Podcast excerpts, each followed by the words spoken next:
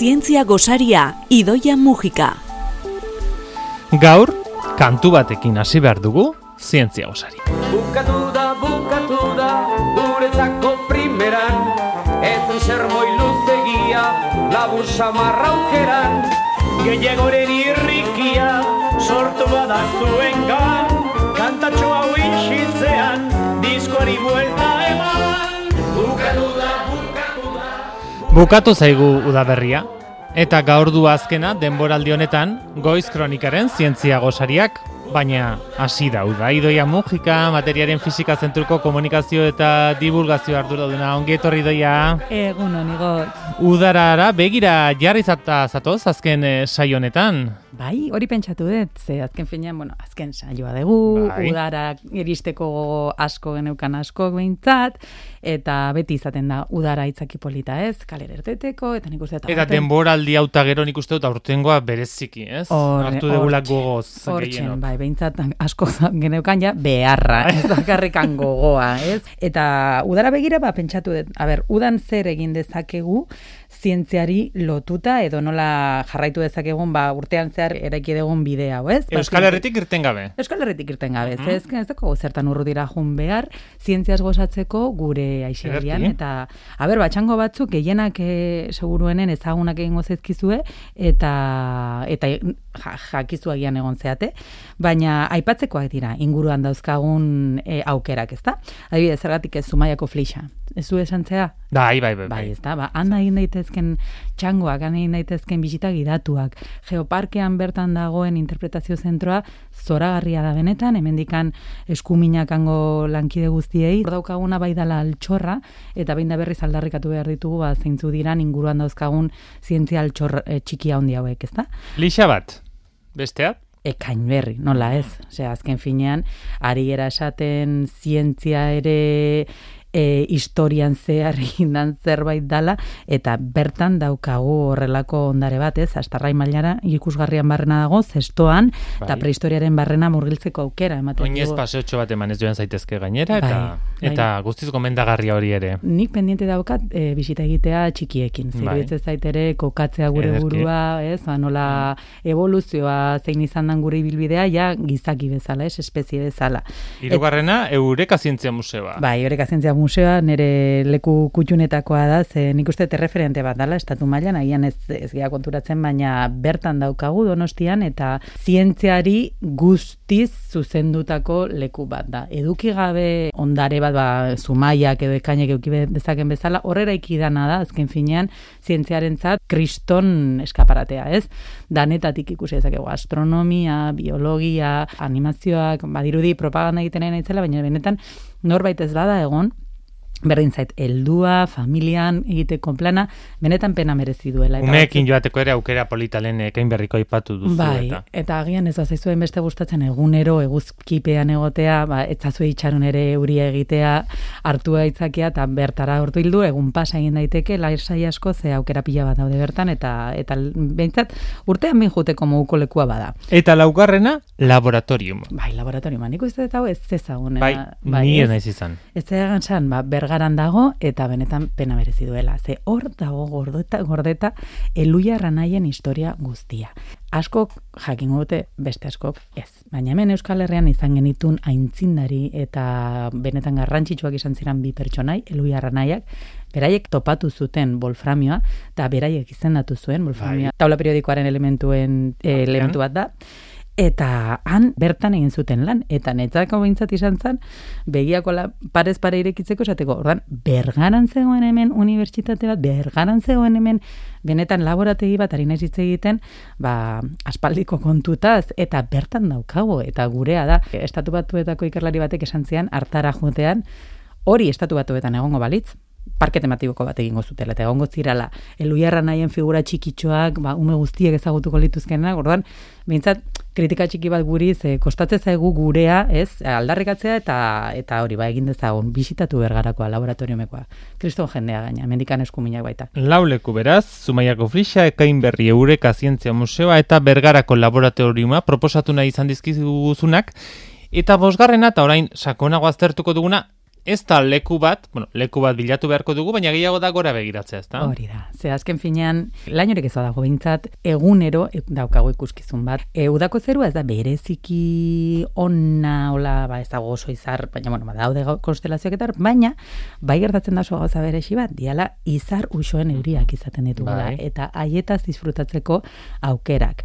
Hartu zazue agenda eta gogoratu gutaz, gau hauetan, esaten ez duenean, bueno, a ber, esan zuten bai, doiak igotzek, ba, begiratu dezagun, a ber, sortea daukagun eta izur, izar uso bat Beraz, harrapatzen dugun. egun zehatz batzuk aipatuko dituzu. Bai, Izarruxoak ikusteko. Hori da, eta Bota. gaina aldez aurretik jakin daiteke zein izango dira maksimoak. Hogeita zazpi, gaur, gaur bertan, gaur gauean, zeruak laguntzen badu behintzat, begiratu zazu egora, zer buti da izarren euriak ekainaren hogeita bitik uztailaren bira izaten badiraren maksimoa gaur da. Esan behar da ez dala oso, esaten dezunean, izarre usoan euria egongo da, ba, jendeak ematen etzen du, etengabe egongo dira lapatatzen, ba, ez, baina aukera asko daude, baten bat edo bi edo gehiago ikusteko.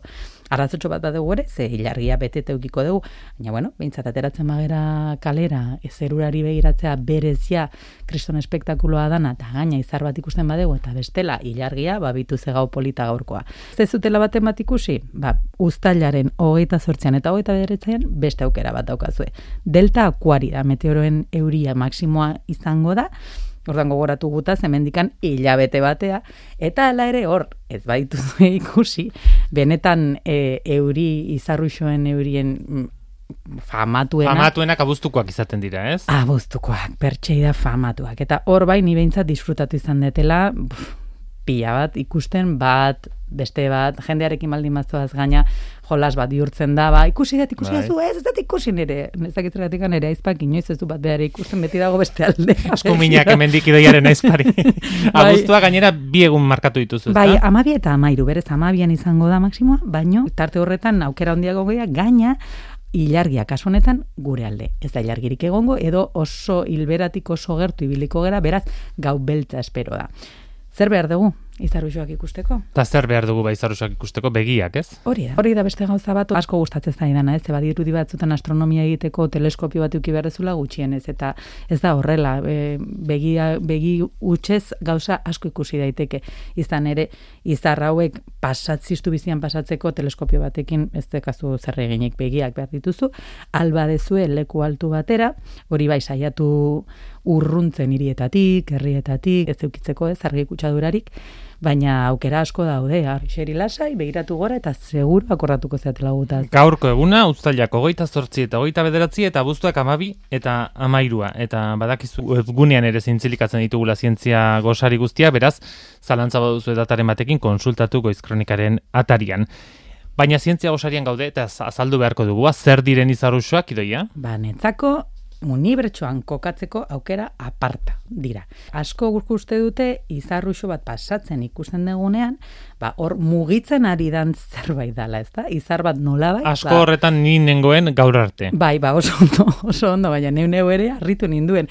Guztiz kontrakoa da gertatzen dana. Izarruxo bat ikusten degunean, ikusten ari gerana da objektu bat, baina benetan txikia, areale bat bezain txikia, arroka zati txiki txiki txikitxo bat, beratzegoan lasai lasaion unibertsuan kokatuta, eta bapatean etorri zaio erraldoi bat geralagu lurra, bueltaka bere gainean eta bere ibilbidean eguzkianen inguruan eta aurretik eraman du hauts ale hori.